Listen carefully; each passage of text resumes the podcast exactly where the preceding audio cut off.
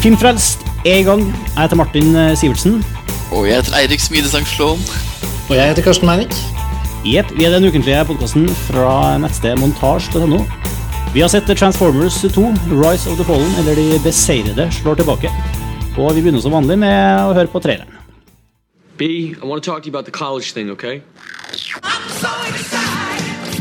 Hey, I'm not taking you with me.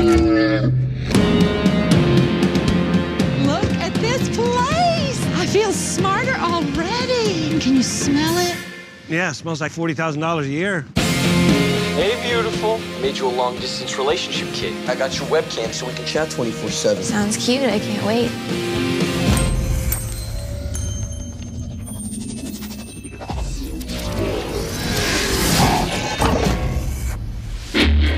I just had a full blown mental meltdown in the middle of my class. I'm seeing symbols. We've kept much from you, Sam. This isn't my war. I fear it soon will be.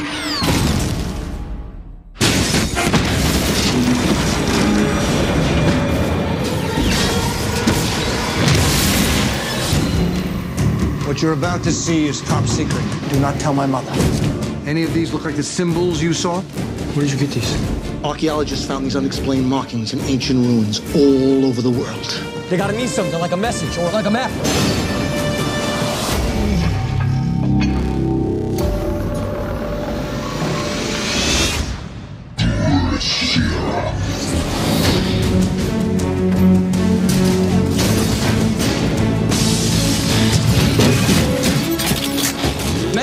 Wants what's in my mind. I'm not gonna go without you.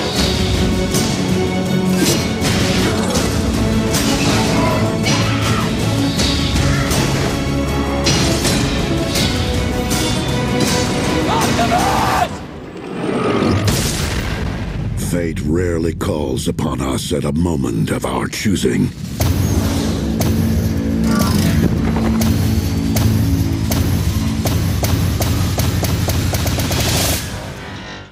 Yes, Det var altså eh, Transformers eh, 2 som er en av eh, sommerens store action-blockbustere. Det er jo allerede bekrefta som en blockbuster. Den håver jo inn penger. Det er Michael Bay står bak. Det kom jo en Transformers-film eh, for to år siden. Den første sånn gigantiske Hollywood-produksjonen. Som introduserte oss for denne eh, hovedpersonen, dette mennesket, som spilte av eh, Shia LaBeouf, Sam Witwicky. Eh, og de fleste har sikkert sett den forrige filmen, så vi trenger ikke gå inn på det, men han overlever, og han er tilbake i den oppfølgeren. Uh, og nå er det veldig mange flere roboter, og de Decepticons, de onde, de har, eh, de har funnet ut at de må hevne seg. Og det fins noe igjen på jorden som de eh, søker etter, akkurat som forrige gang. Og de snille beskytterne, de, de, er, de, har vært igjen på, eller de har vært igjen på jorden for å liksom passe på å samarbeide med menneskene. Da. Så nå er det liksom flere roboter, mer action, lengre film, penere, flere pene damer. Altså det er mer av alt. Det er egentlig synopsiset, tror jeg. Det er mer av alt. Hvordan gikk det med eneren? Det var, var ikke det en dundrende suksess? Jo, den, eh, den kosta vel 150 millioner, tror jeg, dollar. Amerikanske dollar. Ganske lavt budsjett faktisk til å være en så stor film. Men den spilte inn over 700 millioner verden over. og det er jo, altså, Den tjente jo inn etter å ha, brukt, altså etter å ha spilt inn PR-budsjettet sitt, da, som jo er vanskelig nok i seg selv, så tror jeg de satt igjen med rundt 350 millioner dollar i fortjeneste på den. Og det er før vi snakker om leketøy og spin-off og DVD-salg. Så det er jo en kjempe, kjempesuksess, og det var jo kanskje en av de største suksessene i 2007. Pluss at den fikk veldig god mottakelse. Altså Den ble veldig godt likt av både kritikere og fans. Likte dere den, eller? Likte du den, Erik? Jeg elska den. Jeg elska den første. Det var bare, altså, jeg jeg syns det var den perfekte popkornfilmen. Fordi den, den var så utrolig utilslørt kun der for å, å underholde deg. Og, det, og så var den elegant, og den var utrolig bra laget. Og bra historie, faktisk, vil jeg påstå. Så jeg, jeg likte den veldig godt. Enn du, Karsten? Hadde du sansen for Transformers 1? Ja, absolutt. Jeg syns den, eh, altså, Det som er så herlig med disse filmene, da, i mine øyne, det er at de er vanvittig ærlige om hvor kommersielle og hvor underholdende de forsøker å være. De prøver ikke å være noe, Det er liksom det ultimate popkorn uh, for meg. Og den, man merket et lite sånn snev av Spielberg over den første filmen. Han var jo eksekutiv produsent, og han var med å overbevise eh, om at Shia LaBeouf skulle få hovedrollen. Han, han hadde veldig mange fingre inne i spillet, og man merker den der gode, gamle, litt sånn ny-Hollywood-underholdningsfilm, blanding av eventyr og action. Det var så mye der som var verdt å like. da. Og Hadde jeg vært 16 da den kom, så hadde jeg sannsynligvis hatt den som en av mine favorittfilmer. Tror jeg, faktisk. Eh, og den hadde sine svake øyeblikk, absolutt. Eh, den kunne vært kortere, den kunne vært mindre sånn barnslig, i mine øyne. Eh, men, men alt i alt en veldig vellykket popkornfilm. Pluss at det faktisk det morsomme var jo at den var jo like morsom når den var en sånn type eh, familiekomedie. ikke sant? Altså Han Shia LaBeouf med sin familie var like morsomt som de store actionsekvensene. Altså Den fungerte både på det intime planet og på det store episke planet. Men det er jo, det er jo på en måte Steven Spielberg sitt lille bidrag, da. Blant flere, som Karsten sier. Fordi han, han greide å skape faktisk en ganske human historie ut av noe som selvfølgelig er både absurd og helt umulig. ikke sant? Men altså, det var denne familiegreia som var så, det var så bra. Og den lille bikkja og den derre faktisk etter hvert ganske jeg vet ikke, troverdige kjærlighetshistorien mellom eh, Megan Fox, som er sånn superbabe, og han der geekete Shia LaBeouf. Altså, du, du trodde faktisk litt på det, og mora var bra, faren var bra. Det var, sånn, det, det var så mye. Og samtidig så var det jo de beste effektene som i hvert fall jeg har sett kanskje i en film noensinne, i Transformers 1. Jeg syntes det var så realistisk at jeg bare åh, Nei, det, det var så gjennomført, da. Det, Det som jeg design. det som jeg, det som jeg synes er også viktig å ta med i betraktningen, er liksom det at nett, fordi det vet jeg at vi er veldig enige i, hvert fall Erik ikke jeg har snakket mye om det, at det at den klarer å etablere seg selv innenfor sin egen sjanger så ekstremt tydelig, gjør at det er mye lettere å sette pris på de elementene som er bra ved den. Jeg tror Hvis man setter seg ned på Transformers med en eh, enten negativ holdning til sjangeren eller mangel på interesse for å se en sånn type film i det hele tatt, så er det jo ingen tvil om at man kommer til å mislike dem. Og det er veldig mange som avfeier Transformers over hodet, og da, da er det på en måte ikke dems film, da, kan man si. Så, så dersom vi høres overvettet positive ut, så, også, så er det jo også viktig å ta med i betraktningen at denne filmen her tilhører en veldig tydelig sjanger, og der er den liksom kanskje noe av det beste som er laget. I hvert fall den første, syns jeg. Men så er det viktig å poengtere også at det var jo faktisk ganske allmenn aksept for filmen. da. Den, den ble likt veldig overalt. Altså Til og med i forhold til målgruppe så var den Den traff veldig bredt. Ikke sant? Og kritikerne likte den også. Da er jo spørsmålet, Martin, for du likte den jo ikke så kjempegodt. Du er jo på en måte egentlig nesten litt unntaket, i hvert fall i min vennegjeng. For at jeg, jeg kom faktisk ikke på noen andre venner som ikke likte Transformers. da. Hva var det du ikke likte ved den, Martin? Eller hva var det som ikke funka for deg? Jeg har, jeg har ikke den filmen like frist i minnet at jeg klarer å, å peke på Jeg bare husker veldig godt feelingen jeg satt med da jeg gikk ut av kinoen, eh, hvor jeg, hvor jeg likte egentlig oppbygginga og, og var satt veldig pris på effektarbeidet, som var fantastisk. Det skal jeg ikke Det er ingen vits å underslå det, liksom. Men Så tenker du på det øyeblikket når de kommer til den demningen. fra og med demningen og det greiene som er begravd, det, det er en sånn spar, det er vel en Spark-Cube-greie eller noe sånt de prøver å skal slåss om i, i den demningen, og så er de vel i, også i byen etter hvert, med masse militære versus roboter i er det, Hvilken by er det? Er det New York? Jeg er usikker. De ender opp i Los Angeles. I Los Angeles ender de opp, ja. Ja. Eh, det ble rett og slett litt, eh, litt uh, rotete og uinteressant, syns jeg. Men bringer, oss det, bringer det oss kanskje over til toeren, som vi da nettopp har sett? Hvor han eh, Kan vi ikke begynne med deg, Martin? Hva syns du? Altså ja, det er litt sånn, Den er jo, som du sier, det er mer av alt. Og det, det i seg sjøl gjør det jo til en veldig veldig morsom egentlig film å se på kino. Masse, masse storslåtte scener. Eh, Poenget er at jeg syns filmen var skikkelig eh, kaos, og jeg, jeg, det var så mye rot og øyeblikk i, i hele manuset som, som jeg liksom ikke klarte å, å koble meg til i hele tatt, som gjorde at jeg mista veldig interessen. Og så var den jo kjempelang. Den var jo nesten to og en halv time lang. og ehm, de, Det som jeg syns var de beste scenene, var helt på slutten, men da hadde jeg nesten allerede sovna. Ja, I Egypt der. Ja, jeg syns mange av de scenene i Egypt var helt fantastisk, eh, samtidig som eh, Og, og, og mange, mye av de humorelementene som jeg syns de fikk til, som vi har vært inne på, så vi fikk det bra i eneren, veldig mye av humoren her var Innimellom var det sånn at jeg, jeg måtte le og syntes det var, det var morsomt, men eh, det virka veldig påklistra, og ofte så var det bare teit. Og jeg vet ikke, Det føltes som det var veldig sloppy manusarbeid, da, og eh, veldig veldig heavy på, på effekter. Og Jeg kan snakke litt mer om effektene sånn senere, men eh, sånn til syvende og sist så likte jeg ikke filmen så veldig godt. Men eh, det var en, absolutt en film som jeg anbefaler. Hvis man er overhodet interessert, så se den nå på kino, og ikke vent til, til DVD eller Blu-ray-utgaven. liksom. Mm. Det er vel Det er jeg veldig enig i. Hva syns du, Eirik? Nei, jeg sitter og prøver å oppsummere litt i hodet mitt. Jeg, altså, det var jo selvfølgelig svett og varmt i Oslo i går når jeg gikk og så den filmen her, og det var veldig kjølig på Ringen kino. Men jeg ble så svett i løpet av filmen. Faktisk, når jeg gikk ut av kinoen, så var jeg helt gjennomvåt. Og jeg tror etter liksom, Hvis man skal prøve å finne et slags vendepunkt, da, eller en slags ja, overgang til andre i filmen, som jo ikke eksisterer fordi manuset er et eneste stort kaos, så på et tidspunkt så begynte jeg å tenke shit, hva kan de klippe ut? Liksom, så begynte jeg å tenke liksom sånn, nesten som en klipper. da, Sånn type, Det her kan man droppe, det her kan man droppe. ja, Det der ga meg ingenting, det her fortalte meg ingenting. Uh, det var morsomt, det var fint. altså Jeg begynte på en måte å jeg, jeg falt ut av filmen, og så begynte jeg på en måte å se filmen litt på avstand. Så begynte jeg å tenke litt sånn fordi Den første var så utrolig bra trimma. Da. Den, var, den var egentlig ganske godt klippa, mens den her ble egentlig akkurat det motsatte. Så i sum så følte jeg at jeg fikk en film som ga meg alt det jeg ville ha, men så altfor altfor mye av alt sammen. At jeg bare jeg fikk en sånn der metthetsfølelse tidlig som gjorde at jeg rett og slett kanskje liksom på en måte avviste litt hele filmen. da. Uh, samtidig som det var uh, nå, selv, nå så elska jeg de sekvensene som var på college liksom med, med, moren og faren som besøker ham på college. Og, eller var han på college Og jeg digga alle de der amerikanske familietingene som var bra i den første. altså Jeg likte til og med den der sexgale bikkja. Synes jeg var morsom. Tross alt, det var veldig sånn sær humor Men altså, jeg, jeg falt for en del ting i starten. Men så merka jeg at han ville bare Han skulle liksom overgå hver eneste sjangerfilm som var laget noensinne. Han skulle på en måte, han skulle liksom vise meg alt. Han skulle vise skip som synker, og opp på toppen av liksom pyramiden i Egypt. Og han skulle gjøre alt. Og, og Gremlins. Og Gremlins. altså Det ble rett og slett altfor mye. da Og da spesielt når jeg faktisk etter hvert så merka jeg at klippingen ikke engang var liksom nesten ikke helt til stede. altså Det var, det var bare kasta inn veldig mange scener etter hverandre uten noen særlig logikk.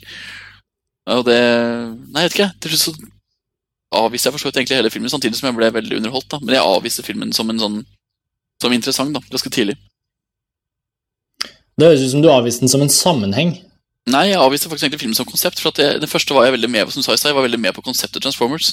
Altså Hvordan mm. Transformers valgte å innlemme seg så sommerfilm. da, At den bare kjørte knallhardt på 'jeg er popkorn, spis meg', liksom. Jeg smaker godt.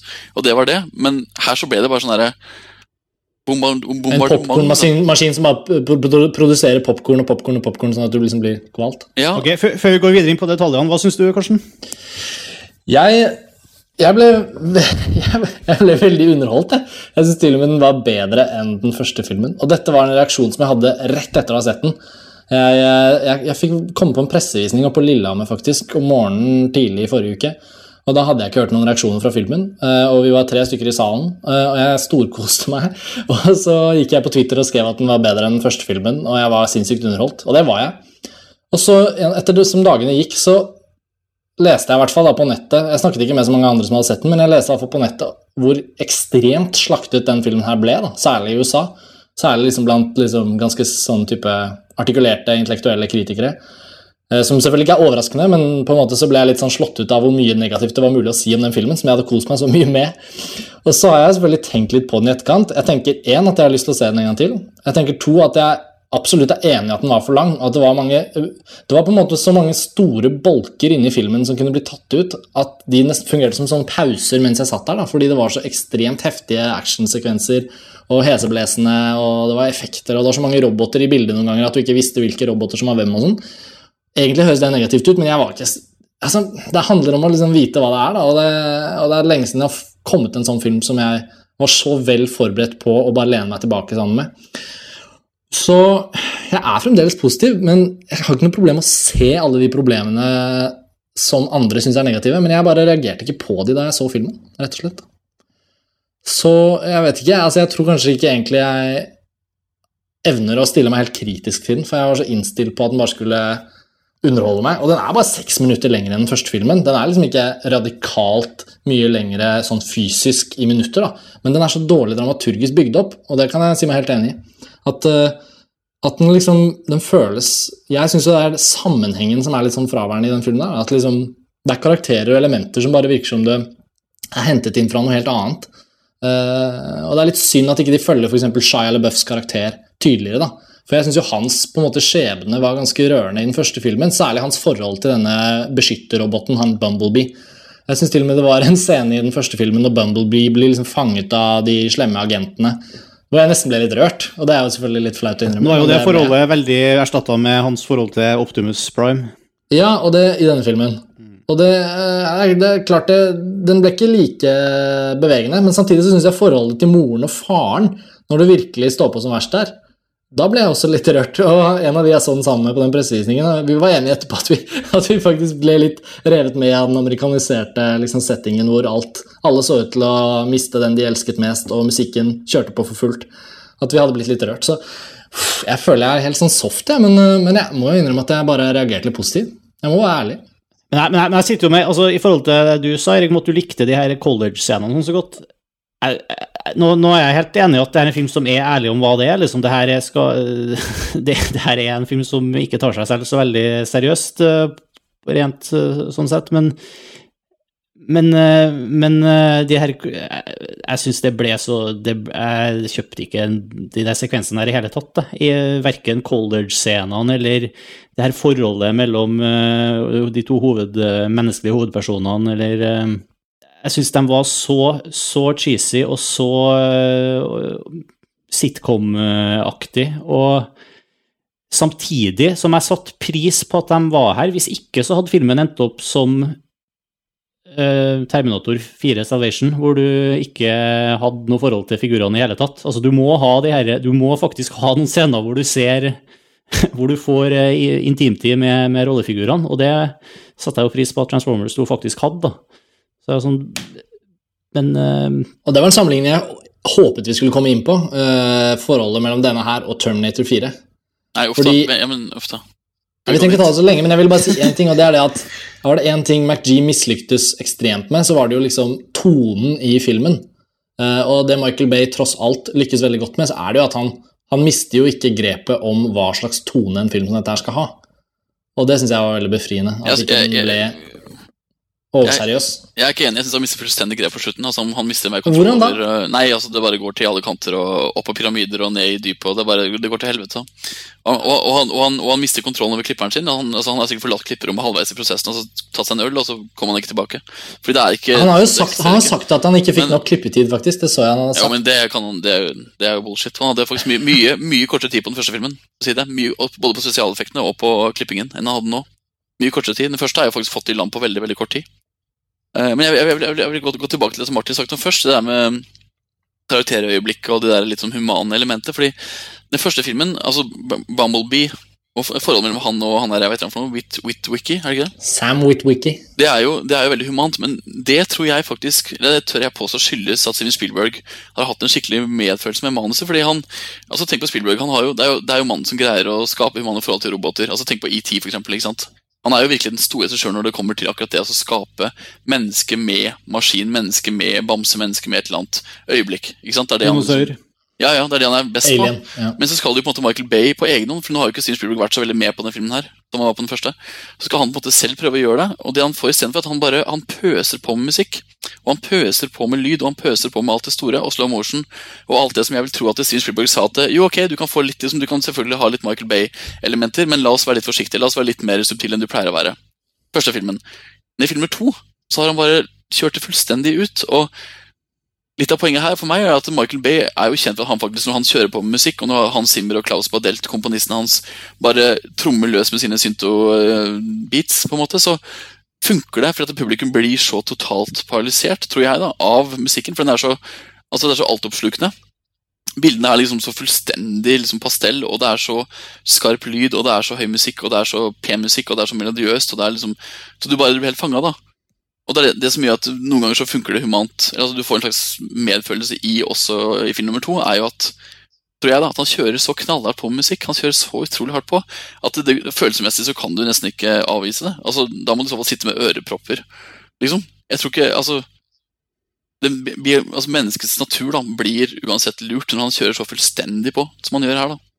Men siden første så var det litt mer raffinement, kanskje, i hvordan han på en måte behandla forholdet mellom eh, ja, de forskjellige karakterene. Altså, hun Megan Fox-figuren ble jo bare en ren pinup-karikatur. Her, ja. Ja, ja. Og i tillegg filma sådan òg, liksom. Ja. Det var Ja, absolutt. Men jeg skal si at det er noe, som jeg digger, er den der campy effekten han legger inn på college. Altså, altså Grunnen til at jeg faktisk digger college, college at han tar det så fullstendig ut. Altså Han, han caster liksom bare de mest magreste liksom Playboy-aktige jentene liksom, som sitter på første rad inne på det astronomiske instituttet som han går på. ikke sant?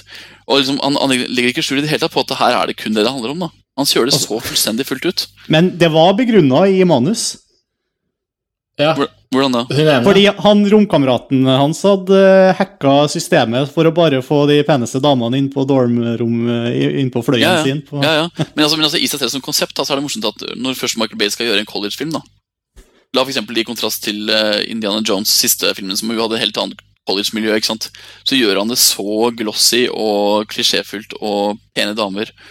Altså, at liksom, Du bare må liksom bare smile, da. Fordi han, han er så utilslørt med det han vil, da. Men, men i, eh, på college da, så kommer jo den ene roboten med som, eh, altså, som bare er med på college, eh, den der Terminatrix-modellen, som er Altså, det er kanskje, det, ok, nå, nå innser jeg at jeg kanskje går inn på spoiler-territorium her. Nei, det får ikke gjøre noe. Men, men ok, la oss, hvis dere absolutt ikke vil Men herregud, det er ingen film som, hvor handlinga er så viktig. Ja. Men det er jo den roboten som faktisk ser ut som et menneske her. Ja. Og da, da blir jeg litt forvirra, fordi Nå kjenner ikke jeg eh, Transformers-mytologien godt nok til å vite Jeg vet ikke helt hvorfor uh, Jeg husker ikke mulig at det ble forklart i første filmen, og at jeg burde huske det fra når jeg så på tegneserien da jeg var liten, og sånt, men jeg er ikke helt på det rede med hvorfor de robotene egentlig er på, på jorda, og jeg vet ikke helt hvorfor de er nødt til å forkle seg som biler og fly og eh, lydbåndkassetter og pistoler og sånn, eh, men så plutselig så kan de forkle seg som mennesker likevel. Altså, jeg, jeg tror, altså, Historisk, sånn som jeg husker fall Transformers-leketøyserien, så fantes jo ikke mennesker som kunne bli eh, roboter. Da kan jo lytterne rette oss hvis vi tar feil, men jeg mente at det kun var eh, roboter og sånne type, eh, hva heter det, sånne kjøkkengjenstander og stæsj sånn i filmen. Og dyr. Dyr eksisterte. Men det var robotiske dyr, eller? Nei, vanlige dyr. Nei. Vanlige dyr. Men, mener jeg husker, Det kan jo lytterne våre eh, rette oss på, men jeg bare jeg kan ikke huske at det eksisterte et menneske som kunne bli robot. For det, Nei, altså, ja. det, det strider jo på en måte veldig mot konseptet i seg selv. da. For det skulle jo være en sånn høyteknologisk rase. Jeg husker at det, det er en annen grunn til at de driver og liksom har vært på jorda og vært forkledd som, eh, som, som teknologi. Men hvis de kan bare være mennesker, hvorfor er ikke alle sammen mennesker? Nei, jeg, De hater jo menneskerasen, det er jo bare tull. De er jo ikke der for å være mennesker. Hun da, eller denne roboten her, er jo der for å overvåke han. Eh, Så det er jo en spesialrobot ment for liksom det formålet. Nå prøver jeg ikke å forsvare det, jeg syns også det var helt tåpelig på en måte. Men uh... Altså, Hvis jeg skulle kutta ut uh, halvtime, tre kvarter av filmen, så ville jeg kutta ut uh, hele college-segmentet. liksom. Ja, nei, det Jeg er ikke enig der, for jeg syns den der hackekameraten, sidekick-fyren, og hvordan han, hans hacker-nemesis-fyr, hvordan vi avslører hvem det er, som vi henter inn fra den første filmen, som blir med videre for å spille en viktig rolle senere, når liksom ting skal forløses. Jeg syns det er viktig å ha med, men jeg, jeg, oh, det er gøy å snakke om litt hva som kunne blitt klippet ut, da, for det er ganske mye. det morsomme er at når, når, han dukker opp, han der sidekicken, så tenker du at han skal selvfølgelig løse det her med en eller annen teknologisk uh, duppeditt-ting. ikke sant? Er jo den klassiske lederrollen i Hollywood-systemet. Men han får jo faktisk egentlig ingen reell funksjon, da. Egentlig. Han løper bare rundt og er morsom, men han er Ja, ikke morsom. Men han skal, skal være morsom. Ja, Han var ikke så veldig morsom heller, da. Nei, men han er ganske dårlig casta òg, da. Faktisk. Han er jo ikke liksom han, altså, Snakker om Star Trek, da, som for meg fortsatt er den beste sommerfilmen så langt. Så var Ja, det jo en veldig morsom sidekick med han der russiske duden som Han var jo kjempemorsom, ikke sant? Og så Han Ja, var men- kjempekul, men han fikk en funksjon også. Den fyren her er jo egentlig bare en sånn Han har ingen funksjon annet enn å være morsom, men så er han ikke morsom. Men, men der sitter jeg og lurer på om de manusforfatterne er rett og slett uh, overarbeida. Altså, fordi det er jo de samme som har skrevet Star Trek, som har skrevet Transformers 2. Ja, jeg ser det. ikke sant? Og Star Trek er jo Jeg ser likhetstrekk i liksom oppbygging, og du har litt sånn his, framgangsmessige dødpunkter midt i begge filmene, hvor det er liksom sånn lange forklaringer, og, men, men Star Trek er jo mye, mye bedre sånn sammen. Og, Ja, men jeg tror Den store forskjellen på Star Trek og Transformers Return Fallen er jo framdriften. Altså, Star Trek hadde jo veldig tydelig framdrift, framdrift og skulle virkelig et sted. på en måte. Og karakterene skulle et sted, mens denne filmen her har jo egentlig Altså, Den vil jo egentlig ingen steder. Til og med sånn som det der åpningsbildet når de, de der fortidsfolka driver og tilbyr den der maskinen. ikke sant? Den får jo faktisk egentlig ingen reell funksjon i slutten av filmen, annet enn at den er dekka inn i, i pyramide. Spoiler, men det er jo greit nok. Altså, Til og med anslaget i filmen så skulle fått en forløsning på slutten. Skjer ikke. Og det er faktisk ikke engang nok hinta til det, vil jeg påstå. Altså, det, De følger ikke opp sine egne altså De, de, de, legger sånne plottpoenger, da. Da for med han sidekicken og med denne maskinen, men så fullfører de det ikke. Og det gjør at jeg tenker at manuset eller klippene eller altså den endelige filmen virker veldig som en sånn tredje siste utgaven før vi på en måte låser klippene og sier at nå begynner vi med alt det andre. ikke sant? Den, den virker ikke ferdig, da. Og det er det store problemet tenker jeg med filmen, at den bare, den henger ikke sammen.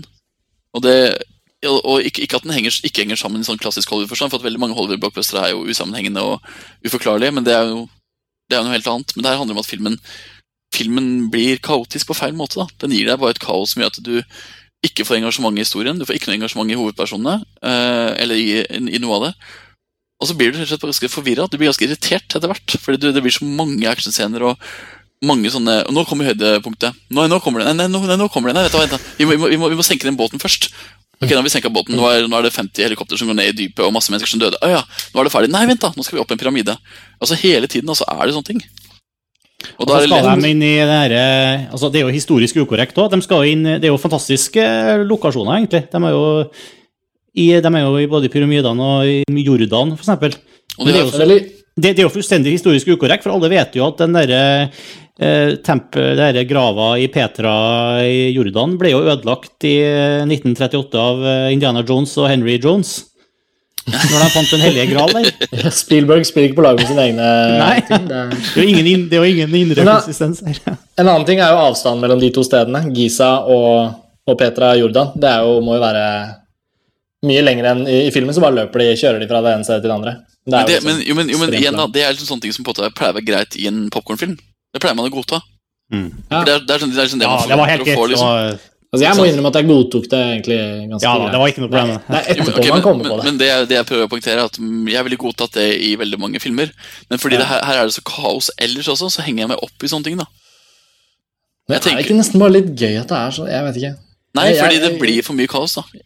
Altså. Og, så, er det kaos i måten de For i filmene de gjør forsøk på å uh, forklare mye av, av uh, selve Transformers-universet. Altså, som vi var inne på, mytologien rundt, rundt de her Transformersene. Du har jo en del scener fra det som tydeligvis er hjemplaneten til de her Eh, Transformersene, og du, har, du får se de her prime-figurene og, og, liksom hvor de snakker altså det, Som du var inne på i starten, det, det er hevn som er motivasjonen, som alltid er et fantastisk utgangspunkt for en film, selvfølgelig.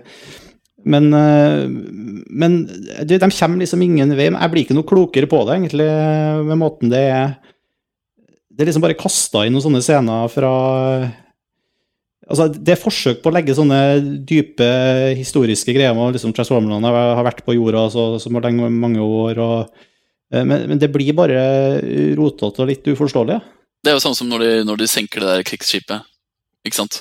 Som er på en kjempestor sekvens, som kanskje sannsynligvis er den dyreste spesialeffekten i hele filmen. ikke sant? Eller spesialeffektene.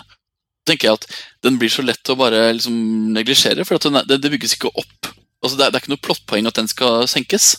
Det er bare et slags eksempel på hvor hevngjerrige de Det er der de tilfeldigvis lander, liksom. Ja, Men så har du da kontrasten til The Dark Knight. The Dark Knight, Som for meg er den ypperste sommerblockbuster jeg har sett i hele mitt liv. Ikke sant? Det er en sekvens hvor uh, jokeren altså De har en, en, eh, en, uh, jaktsekvens hvor jokeren følger etter Batman osv. Og, så og så lastebiler som går rundt. ikke sant? Altså Effekten er bare en lastebil som går rundt, men for at det er så utrolig bygd opp. da. Det brukes en hel sekvens på det, det er masse bra musikk på det. altså Man, man bruker tid på det og bygd opp. Så er jeg mer imponert av en lastebil som går rundt, liksom, én gang, enn altså, hvor mange kjøretøy som synker ned i et dyp, og et krigsskip som synker, og eksplosjoner og alt det der. Fordi Det imponerte meg ikke helt tatt, men lastebilen imponerte meg for at man, man bygde opp mot det. Og det var et plottpoeng, og det var karakterer jeg engasjerte meg i, som var om bord i lastebilen osv. Det, det, altså, i, i, forhold, i forhold til popkorn-hierarkiet så, så faller filmen på det her, da. Men der er du inne på noe annet, altså effektene her. Det er jo en film som generelt får eh, altså det, det, er gjort, det, er jo, det, er jo, en effektfilm eh, av dimensjoner. Det er jo, jeg tror det er Industrial Light Magic som har mesteparten av, eh, av effekter. Mm, stemmer. Men jeg har egentlig Jeg syns mye av det ikke er så bra som jeg skulle ønske det skulle være, altså. Seriøst? Ja, jeg har problemer med rett og slett med selve robotdesignet.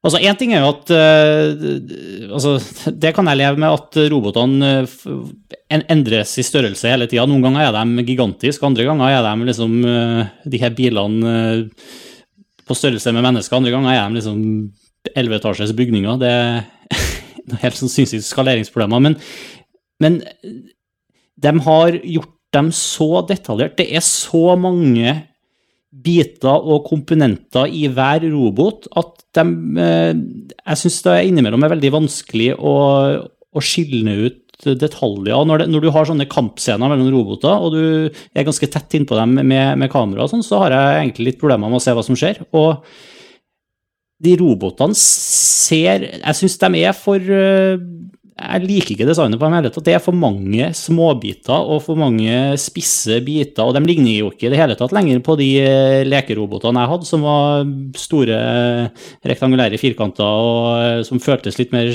robotaktige, på å si det sånn. Men de er, så, de er liksom så nesten organisk Og, og jeg vet ikke, jeg har ikke sansen for måten de har eh, Selv om jeg ser at det er en teknisk bragd å bygge robotmodeller med så utrolig mange småbiter, men eh, likevel så skulle jeg ønske at de kanskje hadde gått i en litt annen retning. da. Jeg, er veldig enig, faktisk. Jeg, synes at Hovedproblemet er det at i den første så var det selvfølgelig færre roboter, og, og sånn, men roboteffektene var bedre fotografert i den første. Altså, Blant annet det der berømte kamerashotet hvor uh, første gangen uh, de to hovedpersonene ser Optimus Prime. Når kameraet går på en måte rundt en slags sånn der, en 240 graders bevegelse under beina mens roboten bygges. da. Altså Det var, det var, liksom, det var mer show-off kanskje i den første, i forhold til at nå skal vi vise noe som ingen har sett før. i forhold til effekter, Og i toeren så er selvfølgelig allerede etablert, så man, ja, det er ikke det viktigste. Men samtidig så var det en mer stilig bruk av effekten i den første. og jeg faktisk, Det var selvfølgelig mye mer subtil bruk av effekten også i den første. altså men samtidig, sånn som i toeren så blir det egentlig bare litt kjedelig med alle de effektene, syns jeg. Og det, det, blir jo for mye av det, men det mangla eleganse, syns jeg. Altså Effektene mangla eleganse i den her. Det ble bare masseproduksjon. Og det er fælt å si det, fordi selvfølgelig er det masse sykt mye jobb, og det er kjempeimponerende, men det ble som å gå inn i en godtebutikk hvor det bare er absurd mye godteri. Altså Du kan plukke alt du vil fra godtehylla, liksom. Mens på eneren så kunne du kanskje plukke ti forskjellige typer godteri, men det var til gjengjeld liksom de ti beste bitene som var, da. Og det jeg, jeg, liker Hollywood-film når Hollywood-film liksom tør å rendyrke. Det har liksom vært mitt store premiss siden jeg begynte å like Hollywood-film en gang for lenge siden. Og her blir det bare Det blir så mye farger og så mye godteri at jeg, liksom, jeg mister lysten på å spise noe av det. da. Og det blir jo ikke bedre av at kameraet hele tida er umulig. Nei, og det hjelper heller ikke av at det sånn som oppi den alien-romvesenplaneten, uh, så er det jo faktisk så er jo produksjonsdesign er jo nesten innlemma i robotene, så man ser jo faktisk ikke hvor roboten er. Altså Alt er svart, og alt er liksom litt sånn svart og aluminiumsfarga. og så Det går så i ett, da. Og som du sa i stad, man ser faktisk ikke robotene, egentlig. Så er de ofte veldig like. Dere får meg faktisk til å like filmen litt mindre, altså. Det er, det, det er jo, du har veldig gode poenger der. Altså, det der med godtebutikken er et veldig sant uh, Ja, det er, helt, det er jo akkurat sånn. Men likevel så får jeg lyst til å gå og se den en gang til. Ja, men det er jo hva man vil ha. ikke sant? Jeg, jeg, altså jeg så den her sammen med fullsatt uh, Ringen 1, og folk digga jo filmen. liksom. Altså, du så den jo på pressevisning, Karsten, og det er jo vanligvis en ganske kjølig, litt sånn distansert opplevelse ikke sant, når man ser pressevisninger. Fordi der mm. sitter jo veldig ofte ja, kritikere. Mm. Uh, mens jeg så den sammen med folk som Det var ikke en person over 35 i salen, og det var ikke en person under 20 år i salen. Det var liksom 20 til 35, hvorav jeg var Unge voksne. ja, ja, og jeg satt midt liksom, på rad 9 i den beste kinosalen i, i Norge, etter min mening, og liksom storkoste meg. Og folk elska den. Men jeg bare jeg hadde ikke samme liksom, følelsen av at det her liksom var skikkelig bra som den første. Altså, jeg, fra første øyeblikk så var det noe noe som ikke funka. Og det var egentlig kanskje at det starta med et flashback. da. Det starta liksom med den der egyptiske ideen, og da fikk jeg liksom sånne Stargate-ideer uh, i hodet. Og alle de der forferdelige filmene som ble laget sånn midten av 90-tallet. Liksom sånn der, hvor det må være et mytisk bakteppe. Man kan liksom ikke gjøre mytiske ting i dag, for det vil ikke publikum ha, så man må kjøre liksom flashback, bla, bla, bla. alt sånne ting. Det var så Det blir altfor mye, altså. Ja. Vil vi ha flere Transformers-filmer, da? Det er vel meldt en til, er det ikke? Neste det er jo ikke sannsynlig. 2011 kommer det neste, faktisk. Jeg så Michael Bay sa at han var ferdig. Han hadde ikke lyst til å lage flere. Jeg leste at han sa at den skulle ut i 2012 og ikke 2011, som studio hadde sagt. Oh, ja. Men 1. juli Nei, fordi... 2011 er holdt allerede, tror jeg. Kinoene i USA.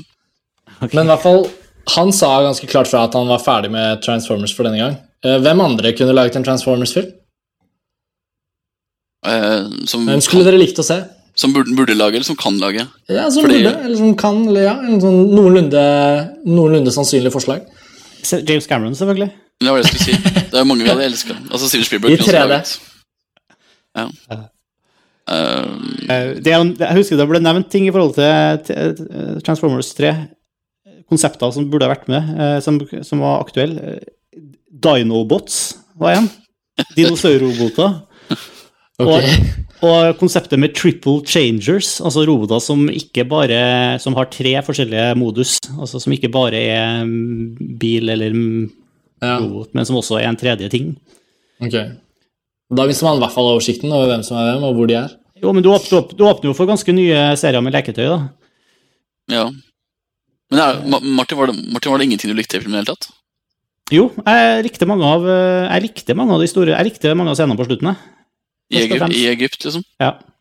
Eh, Jeg syns, jeg, selv om jeg nesten hadde sovna, da, så syns jeg det var som sagt, det var der jeg hadde Men nei, jeg, jeg hadde sans for mange enkeltting, men eh, det, det, jeg klarer ikke å, liksom Jeg har ikke spor lyst til å se den igjen. Og eh, det var et makkverk egentlig av en film, selv om den hadde en del kule scener. Mm. Jeg synes det er veldig imponerende for location, for de har jo faktisk skutt filmen i Egypt, foran Keops-pyramiden og i Petra, de har faktisk de har vært på location. Jeg leste at eh, kongen av Jordan eh, var fan av Transformers, og de fikk lov til å fly Ja. 36 helikopterturer inn og ut av Jordan. Ja, og faktisk, Det det. altså den der John Tortoro, når han klatrer på pyramiden, så er det jo faktisk ekte. Det er på pyramiden på Ja. ordentlig. Jeg syns faktisk John Torturos karakter var bedre i denne enn i den forrige. Uavhengig av at filmene kanskje skilte seg litt fra hverandre. Jeg syns han fikk en litt morsommere figur i den filmen her. Jeg vet ikke hva dere tenkte, tenkte dere over det? Ja, men Det er også sånn killer darlings. altså Ta livet liksom, av 80 av liksom, folka dine. for at Bare den der scenen med han på den, der, den delikatessebutikken som skulle være morsom, og skulle han ha en mor som var morsom. Altså, Hvorfor det, liksom? Eller når han har på seg tangatruse. Ja, vi, vi, vi, vi, trenger ikke sånne sekvenser. Vi trenger ikke sånne scener. Fordi, Nei, altså, det slakker filmen veldig ned. Jo, men altså, Du sitter på et kontor og skriver manus. Og så, ja, når jeg skriver manus, så har jeg Post-It-lapper over en hel vegg. Med liksom tidsforløp og øh, plottutvikling og karakterer og alt mulig på en på Post-It-lapper. Men jeg fjerner jo 90 i løpet av manusprosessen. på en måte, De forsvinner jo. ikke sant? Mens de folka her må jo ha beholdt alle ideene sine. Du må huske at det var en manusstreik midt inni der. da. De tvang jo disse to manusfatterne som er kreditert med filmen, de ble tvunget til å levere et, ut, eh, et godt utviklet treatment rett før fristen når streiken satte i gang. Og så begynte Michael Bay å jobbe med effektfolka til å utvikle konsepter under hele streiken.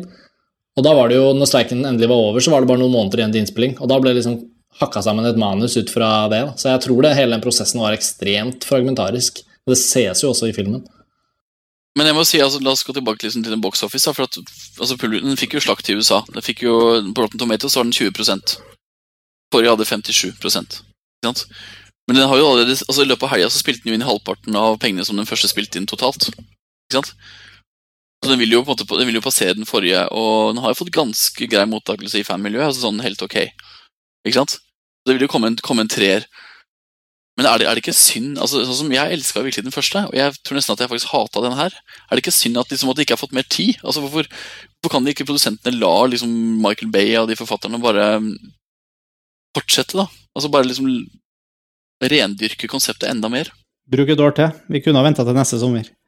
Ja, det hadde ikke blitt noe altså, Herregud, det hadde ikke vært noe altså, Jeg hadde gleda meg enda mer faktisk, hvis jeg, hvis jeg visste at de hadde hatt bedre tid på det. Uh, Jo, det er jeg helt enig i. Man merker at den er veldig rusha. Og, og Men de, de, de, det er vel kanskje det da, som er liksom litt kynismen i hvordan det ligger an nå. At eh, det er jo strengt tatt viktigere for dem å få dem på plass på rett tidspunkt hvor de kan tjene mest mulig penger for den, enn at den blir en bra film. Og publikum svarer jo med å kjøpe billetter, så studioene får jo bare et signal om at det er dette folk vil ha. Men eh, jeg er glad dette ikke skjer med den tredje Batman-filmen, for der virker det som Warner er veldig tålmodige og lar eh, Christopher Nolan lage en annen film i mellomtiden. Uh, jeg håper virkelig at Nolan får gjøre treeren i ro og mak, sånn at den blir på nivå med de to forrige. ser jo sånn ut. Kanskje det er problemet. Kanskje Michael Bay burde ha funnet noe annet å gjort. eh, Ta, ta seg en liten pause. Det er jo det han sier han skal gjøre nå. Så. Ja, ikke sant? Men altså, se på sånn Terminator 4, da, som vi snakker om. ikke sant? Terminator Salvation. Det er jo et godt eksempel på at publikum, ja, publikum faktisk ikke går med på at Hollywood eh, bare rusher eller eh, ikke greier å finne bra regissører eller eh, gode manusforfattere. Den har jo faktisk ikke engang spilt inn budsjettet sitt. Altså, den, det, den kommer ikke til å gjøre det, da. Nei, nei, det er sant. Eh, selvfølgelig, selvfølgelig med DVD-salg og alt mulig så vil den jo kanskje gå i null, men den vil faktisk ikke gå så veldig mye overskudd. Og det, jeg vet ikke, fansen, altså jeg, Min erfaring er at faktisk publikum sier mer og mer fra. da. Altså De sier nei hvis ikke de ønsker eh, Altså Hvis en film ikke godtas, så godtas den ikke. på en måte, Det vises på besøkstall. Jeg tror også det har med stjerne... Altså Jeg tror det har med Megan Fox å gjøre. altså. At folk ser den? Ja. I hvert fall veldig mange unge amerikanske gutter. Hun får også mye presse, det er jo så mye presseomtale rundt altså, Det eneste store presseomtalen rundt uh, Terminator uh, sånn i mainstream-media var jo at uh, Prison Bale klikka. Prison Bale klikka. Mens her er det jo Alle hopper jo opp på med svære forsideoppslag og bilder av Megan Fox rundt Transformers. Ja, en annen ting handler jo litt om ja, nei, Kjør, Erik. Nei, Jeg skulle bare si at faktisk, jeg, jeg, jeg vil ikke helt avfeie Megan Fox. Altså, jeg syns en dame faktisk har ganske mye å komme med. Selv om her må man faktisk lete etter øyeblikkene, for hun har så få karakterscener. Men jeg satt liksom og så på henne litt sånn i bakgrunnen, på en måte. Ikke bare for at hun er fantastisk fin å se på, men uh, hun, liksom, hun, har et eller annet som er litt kult, altså. Jeg liker henne litt, ja. Jeg, jeg er keen på å se henne i en skikkelig hovedrolle, i en skikkelig Ja. Det Den kommer til høsten. Jennifer's Body. Jeg sa ikke det som noe angrep mot Megan Fox, jeg bare sa at jeg tror jeg har mye Jeg tror litt, jeg har litt av grunnen til at uh, ja, men... skal, skal, altså, uh, Terminator Reservation hadde jo ingen sånne elementer i seg. Nei, men sånn som Shia LaBeouf, for eksempel, syns jeg, veldig, jeg synes han er veldig lett forglemmelig og egentlig litt sånn Han er litt kjedelig, da, syns jeg. Men Megan Fox, hun uh, Jeg vil se henne gjøre komedie, jeg, faktisk. Det ble jo Det har jo vært et sånn, litt sånn issue rundt den filmen her, særlig i USA, om eh, rasistiske stereotyper, i, og, ikke, og, da først og fremst blant robotene. Det er jo to sånne jeg tror det er Chevrolet-biler eller noe sånt. Det. det er de tvillingene. Det er to tvillingbiler som uh, har en litt sånn ja, Litt sånn bling-bling uh, Stil? man, manerisma. ja. Vi er jo jeg vet ikke hvor følsom følsomme vi er for sånt, men det har vært mye Er det noen som har satt seg godt inn i det der? Jeg reagerte ikke så veldig mye på det da jeg så den. Men, jeg, tenkte ikke, jeg, tenkte ikke, over i det hele tatt. Jeg skjønner ikke hva jeg Altså, jeg, jeg når, når, de skriver om det, så skjønner man jo hva de mener, men jeg plukket ikke opp i filmen i det hele tatt. Jeg reagerte derimot på at den ene Gremlins-roboten snakka med tysk aksent. Gjorde det? Det var en sånn robot, eh, en sånn eh, doktorrobot som drev og undersøkte eh, En sånn liten sånn som skulle liksom gjøre, ta, undersøke hjernen til Shia LaBeouf. Og, ja, ja, ja, den der, ja. Han snakka jo med sånn I will have to get inside the brain. Og han hadde jo liksom Av en eller annen merkelig grunn tysk, tysk aksent. Det virker jo på meg som de hovedsakelig har fokusert på å gi disse robotene stemmekarakterer som kan skille dem litt fra hverandre. Eh, jeg prøver ikke å unnskylde hvis det virkelig er liggende en sånn latent rasisme i de to karakterene, så er jo det selvfølgelig Man, kan, man burde jo ikke gjøre det i det hele tatt, men det, Men det mest kriminelle der var at de var jo, de var jo ikke morsomme. Nei, nei, jeg syns bare det var unødvendige karakterer. Det var jo det som var uh, greia. Det var da jeg slappet av i filmen og ventet på neste ting jeg likte, fordi de karakterene der gjorde jo ingenting. Hvordan tenkte du, tenkte du, på det, Erik, da du så filmen? At? At de to der tvillingrobotene representerte en eller annen form for uh, rasistisk uh, skildring av afroamerikansk ungdom? Nei, men det, det, som, ja, men det, som, er morsomt, da, som jeg, det lille jeg fanga opp, er jo at vi, vi, kan jo nesten ikke forstå den konteksten, for det er veldig amerikansk popkulturreferanser som er problemet her. Altså, han ene snakker såkalt jive talking. Han, altså, han, det er måten de snakker på, da. Måten de snakker amerikansk på som gjør at de virker veldig stereotypiske og nesten fordomsfulle. da. At de er, sånne, at de er på sånne karikerte forstadsproblematikk-ungdom. da. Ikke sant? Og jeg er ikke så god nok engelsk, eller ikke amerikansk til å fange opp, å fange opp de, eh, de, elementene, men altså, det handler om hvordan de uttaler ting, og hva de sier, og hvordan de tuller seg imellom, hvordan de banker opp hverandre, hvordan de liksom er så røffe. altså jeg tror det handler om at De, de, er, de er på en måte laget to sånne stereotypiske forstadsproblematikk-ungdommer da, som også til og med snakker sånn som det de gjør. Og så er de selvfølgelig stokk dumme i filmen. Og de skal være morsomme pga. sin egen dumhet. Det er det jo ikke, for det funker jo ikke som i det hele tatt. Men jeg tror det er essensen i, i debatten. da, som jeg Men hvor kommer de her hvor kommer de det er også ting som jeg ikke skjønner helt med hele Transformers uh, mytosen. Hvor kommer de her elementene inn i robotene? Hvordan, blir robo altså, hvordan utvikler robotene de her personlighetene? Liksom? Hva, hvor, hvordan, hvordan, får du plutselig to sånne typer midt oppi resten av robotklanen? Det er jo ikke så mange roboter. Nei, men altså, det morsomme er altså, hvis man først tenker over det, da, sånn, og på en måte prøve å forestille seg å være vet ikke jeg, amerikansk forstadsungdom selv, da, og være mørk, uh, og så ser man da to roboter som tydelig skal være såkalte svarte forstadsungdommer. ikke sant? Igjen måten de snakker på. Han ene har en gulltann, som er et sånn statussymbol uh, der ute. etter hva jeg har skjønt. Og sånne ting. Men så er det jo faktisk egentlig de eneste robotene som er stokk dumme. Altså De andre kan iallfall slåss veldig bra, og de kan uh, vet ikke, de snakker kult, eller de kan være morsomme. ordentlig morsomme, Men altså de to her er egentlig bare sånne i veien da, hele tiden. Og det er det som er, liksom, tror jeg handler litt om at folk har tenkt at det er rasistisk. Men jeg vil si noe annet som er viktigere. Fordi jeg snakka om kjønnsfascisme på Star Trek, og jeg skal om kjønnsfascisme på Transformers. Fordi også her så er det liksom tross alt bare én dame, og det er Megan Fox. Pluss moren. Moren går rundt og tar dop og er stokk dum, liksom, og er også stokk dum ellers. Ikke sant? Hun er virkelig en forstatsdame av det dummeste slaget. Som jeg mener er utrolig fordomsfullt i seg selv. Men Megan Fox, legg merke til at hver gang hun løper i filmen Slow motion. Hold... Nei, hun holder en mann i hånda. det er også i slow motion. Jo, jo, men altså, det her er så viktig, og det her, her synes jeg er enda viktigere poeng i filmen. Jeg har ikke sett noen ting om noe sted, men Megan Fox er aldri alene. Hun er alltid sammen med en annen person. Og, og det er en scene hvor hun løper sammen med han der forferdelige han der militærbefal-duden som gjør opprør. Uh, selv han holder hun i hånda.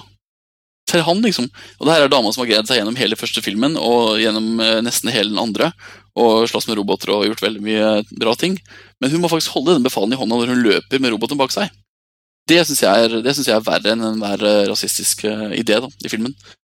Fordi det ser, jeg, det ser jeg så mange amerikanske popkornfilmer, at man tillater seg å gå tilbake til veldig stereotypiske Altså, kvinnen er underdanig, kvinnen er dum, kvinnen er eh, avhengig av mannen. altså Sånne ting hele tiden. da. Unntaket er The Dark Night, men uh, jeg bare, altså, tenk, kanskje når, når, du, når du ser film på nytt, tenk over at hun holder en person i hånda hver gang hun løper. Det, det syns jeg er kjipere. Godt poeng. Godt poeng. Jeg skal se om jeg får det med meg. Ja, du kommer Midt til å henge det oppi. Men uh, andre positive ting, da. Jeg syns jo at det faktisk var litt kule fototing i filmen. da. Og detaljer. Det er, jo, det er jo gøy å se liksom, altså Michael Bay har jo her hatt et kjempebudsjett, og det er gøy han bare ser ta fullstendig ut hele sin estetikk. da. Han har bygget så veldig opp gjennom uh, hele filmografien sin. Altså Den der bilscenen med hun der roboten, hun dameroboten, på en måte. Hun er filma mot det der uh, neonlyset i bakgrunnen, hvis du husker det. Det nærbildet av henne. Mm syns jeg er helt, helt, helt briljant. Syns det er kjempebra. Det er skikkelig campy, men det er, det er, det er veldig mye bra Det er veldig mye kule nærbilder, da, hvor han bruker litt sånn flash og neonbelysning og litt sånn Jeg vet ikke, det er mange kule detaljer, da, egentlig. Igjen, med nærbildene av robotene, de store robotene, har jeg ikke noe sansen for. Og det er kanskje mest, mest med at jeg syns igjen at de er ganske stygt designa. Ja, ja. Jeg syns de har uh, til og med dårligere lydmiks enn de hadde i den første. Det er liksom lettere forglemmelig lydmiks. da. Første så var det sånn, altså Lyden satte seg virkelig i hodet på deg. De der, eh, ja, de der merkelige lydene som var hver gang roboten på en måte ble gikk fra bil til å være robot. til å bli robot. Så var det veldig sånn grøss på ryggen og veldig kult, men det var jo faktisk ikke den følelsen her i det hele tatt. Og så bevegde jo kameraet seg så mye at du klarte ikke å se hva som skjedde. Du, klar, du fikk jo faktisk ikke se dem gjøre seg om, fordi kameraet var så tett innpå dem og gikk liksom i sånn uh, loop rundt dem hele tida mens de gjorde seg om, at uh, du, fikk, du, skjønte at her var det masse ting som skjedde, og det var sikkert veldig kult, men du så liksom ikke noe av det. Det er kanskje litt med at nå skal de vise enda flere detaljer og vise at de har kommet enda lenger med effektene. Jeg vet ikke. Um, ja, ikke sant. Det er godt yes. mulig. Nei, har vi Jeg har ikke så mye mer å si om den filmen her, egentlig. Jeg gleder, jeg gleder meg bare til å gå og se den. Jeg satt faktisk og tenkte det samme. Men alt i alt, jeg vil bare si at jeg er ganske glad for at vi har Michael Bay der borte i Hollywood, jeg, som tross alt kan ta hånd om disse idiotiske, eller på papiret litt idiotiske konseptene og prøve å tyne noe underholdende greier ut av dem. Han har jo blitt uh, han har jo liksom blitt dissa opp og ned og huet i mente, men jeg syns egentlig han har laget jævlig mye kule filmer. Han har ikke laga så mange filmer heller. Han har vel laga en håndfull. Har ikke? Og eh, rent personlig så har jeg ikke sansen for veldig mange. Jeg, jeg liker The Rock, og så liker jeg Jeg liker faktisk, selv om jeg vet at den har blitt slakta, jeg liker Jeg syns jeg hadde hatt sansen for The Island. da, sånn. Mm, ja, det er den eneste av filmene hans jeg ikke har sett, faktisk. Burde kanskje se den. Ja, du bør faktisk se den. Den har noen veldig kule ideer, iallfall, om ikke annet. Men den ble jeg overraska over å se hvor, hvor den regnes som et, som en flopp, altså som, en, som en, et makkverk. Ja, når jeg leser om den i etterkant. Ja, men Den floppa jo på kino i USA. Det er det som er så ille med den. Den floppa jo altså virkelig den, den så grusomt hvordan den floppa.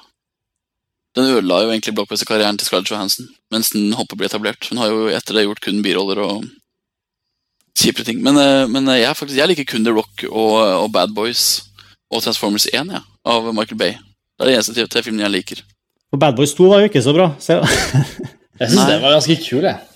Men jeg syns jo Armageddon er den litt sånn undervurderte filmen her. Jeg vet jeg hater også liksom Ben Affleck som prøver å være søt og, og liksom gir kjeks til eh, Liv Tyler i solnedgangen og sånn, men Armageddon som en slags sånn derre galskap, det er jo bare Jeg syns jo det er fantastisk at en gruppe utdaterte oljeborere sendes til en asteroide for å pumpe en atombombe nedi. Det er jo bare, Jeg syns jo den er så tullete at det er helt umulig å ikke like den. Og den husker jeg veldig godt at jeg så da de viste, da de viste sånne store eventfilmer i Oslo Spektrum på av, eller midten og slutten av 90-tallet. Det var sånne enorme filmvisninger hvor jeg også så hele den nyrestaurerte Star Wars-trilogien.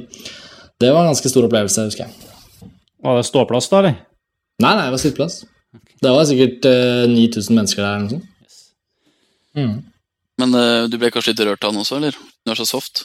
Ja, ja. Jeg er jo super... Jeg, jeg tror Michael Bay og jeg vi har liksom en eller annen sånn Nei da. Nei, jeg er vel ikke så veldig rørt av Armageddon, det tror jeg ikke. Men jeg syns den var ganske kul da den kom. Nei.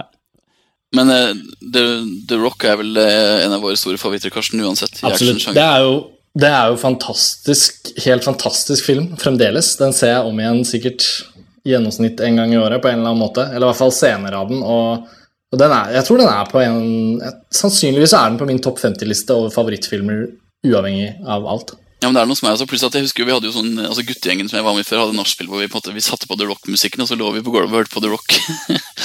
altså Det er så mange elementer i The Rock som er så viktige da, i forhold til øh, nesten vår generasjon, vil jeg påstå. Den er, så er den jo for skikkelig intens. Altså den er skikkelig, Det er øh, liksom neglebitene, da. Ja, altså, Vi kunne hatt en egen pod podkast om The Rock for min del. Den er alt det som Transformers 2 ikke er, i hvert fall. Den er tett og fokusert og har eh, god Den driv, utrolig driv og Ja. Mens det beste i The Island er jo kanskje musikken til Steve eh, hva heter han? Jab, Jab, Jablonski. Nå er blitt så veldig ikonisk. Den brukes jo i alle trailere. Omtrent som lages. Den Jeg må se The Island, altså. Nei, men Du må høre musikken. eh, fordi Jo, men jeg må jo er- se filmen, herregud. Det kan være som anbefaling fra meg i dag er å finne, finne musikken til eh, The Island og, Ja. høre, og høre på den. Gjør det. Vi eh, har et par ting vi skal innom før vi, før vi runder av, Jørg. Um, Først så må vi jo tipse alle sammen om at vi har drevet og oppgradere sidene våre på montasj.no. Der må alle sammen ta en titt. Mm, vi har nytt, ikke bare litt sånn nytt oppfriska design, men en del nye funksjoner. Vi Begynner med nyhetsbrev og skal ha noen blogger etter hvert. så Flere skribenter kommer etter hvert. da. Flere skribenter. Mer stoff, mer godt filmstoff. Håper Det er en generell, sånn, en generell sånn nivåheving av hele montasj, som lanseres på onsdag 1. juli. Og nei, Det er bare å anbefale lytterne, de som er interessert i å lese bra filmstoff, de kan gå inn på siden og klikke seg rundt. og Alt er litt sånn pyntet på, og nye funksjoner. og ja, Det er veldig spennende. Vi gleder oss veldig selv. Jeg får ta det ett skritt videre. Vi har ikke vært på lufta så mange måneder, men eh, her er neste fase. Nettopp. Så det blir gøy. Og vi tar så- veldig, veldig velkomment imot tilbakemeldinger. Da, både på, Det gjør vi alltid på Filmfrelst, men også på montasje. og Finn oss på Twitter og si hva dere mener, og kom med innspill hvis dere har noen tanker. Så det tas imot med takk. Og så tenkte jeg også at eh, vi skulle prøve oss på en liten ny greie her i Filmfrelst, hvor vi En eh, slags konkurranse, faktisk. Konseptet er veldig enkelt. Eh, vi plukker ut eh, et lite filmklipp. eh, Kort filmklipp fra en vilkårlig film, egentlig. Ingen, ingen hint eller clues blir gitt. Og opp til deg som lytter å prøve å rett og slett gjette på hvilken film det er. Eh, jeg er litt usikker på hvor, eh, vanske, hvor, liksom, eh, hvor vanskelig det her kommer til å bli. Men den gangen som den første forsøkeren, så prøver vi på noe som forhåpentligvis ikke er altfor vanskelig, så vi faktisk håper at vi får, noe, får inn noen svar. Da. Så bare spiss ørene akkurat nå, så skal vi spille altså, ukas konkurranseklipp. Vi må finne på et godt navn for konkurransen senere. Her er i hvert fall ukas klipp. Hør nøye etter nå.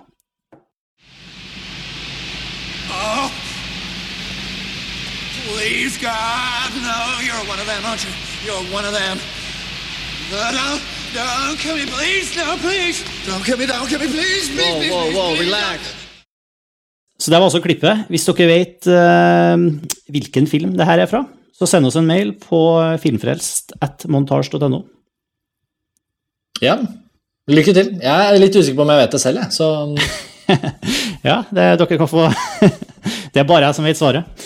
Um, premien uh, foreløpig er litt usikker. Det blir noe kult. Uh, I, beste, I verste fall så blir det bare at du får navnet ditt lest opp i den første som svarer riktig, får navnet sitt lest opp i neste Filmfrelst, og vi plugger nettsida di hvis du har noen. Bloggen din, eller hva som helst. Vi er jo tilbake Filmfrelst om ca. en ukes tid. Da er det jo, blir det litt spesielt. Jeg får dessverre ikke være med, men både Karsten og Eirik dere skal til, til Tsjekkia. Hele, hele, mont hele montasje skal til Karla Vary internasjonale filmfestival i en, nesten en uke.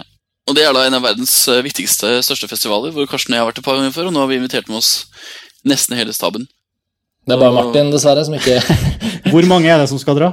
Vi er ni stykker, åtte-ni Oi, oi. stykker. Ja. Så da blir det jo selvfølgelig masse skriverier på montasje og podcaster og videoklipp og diverse, pluss en filmfrelst live Spesial. fra Karlovy Vary.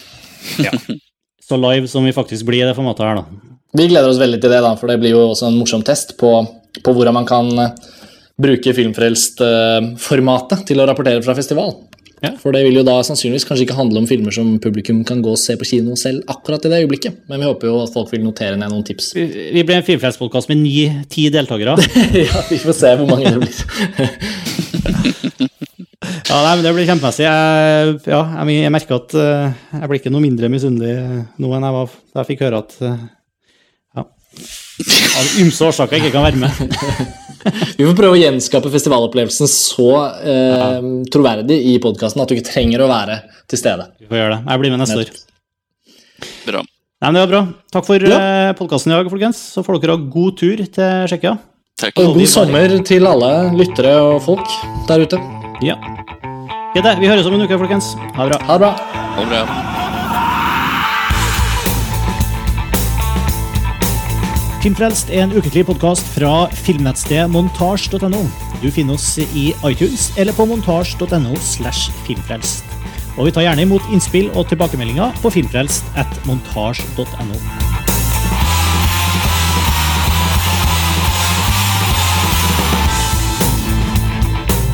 Og musikken du hører nå, er fra det norske bandet Ping. Hør mer på thepingpage.com.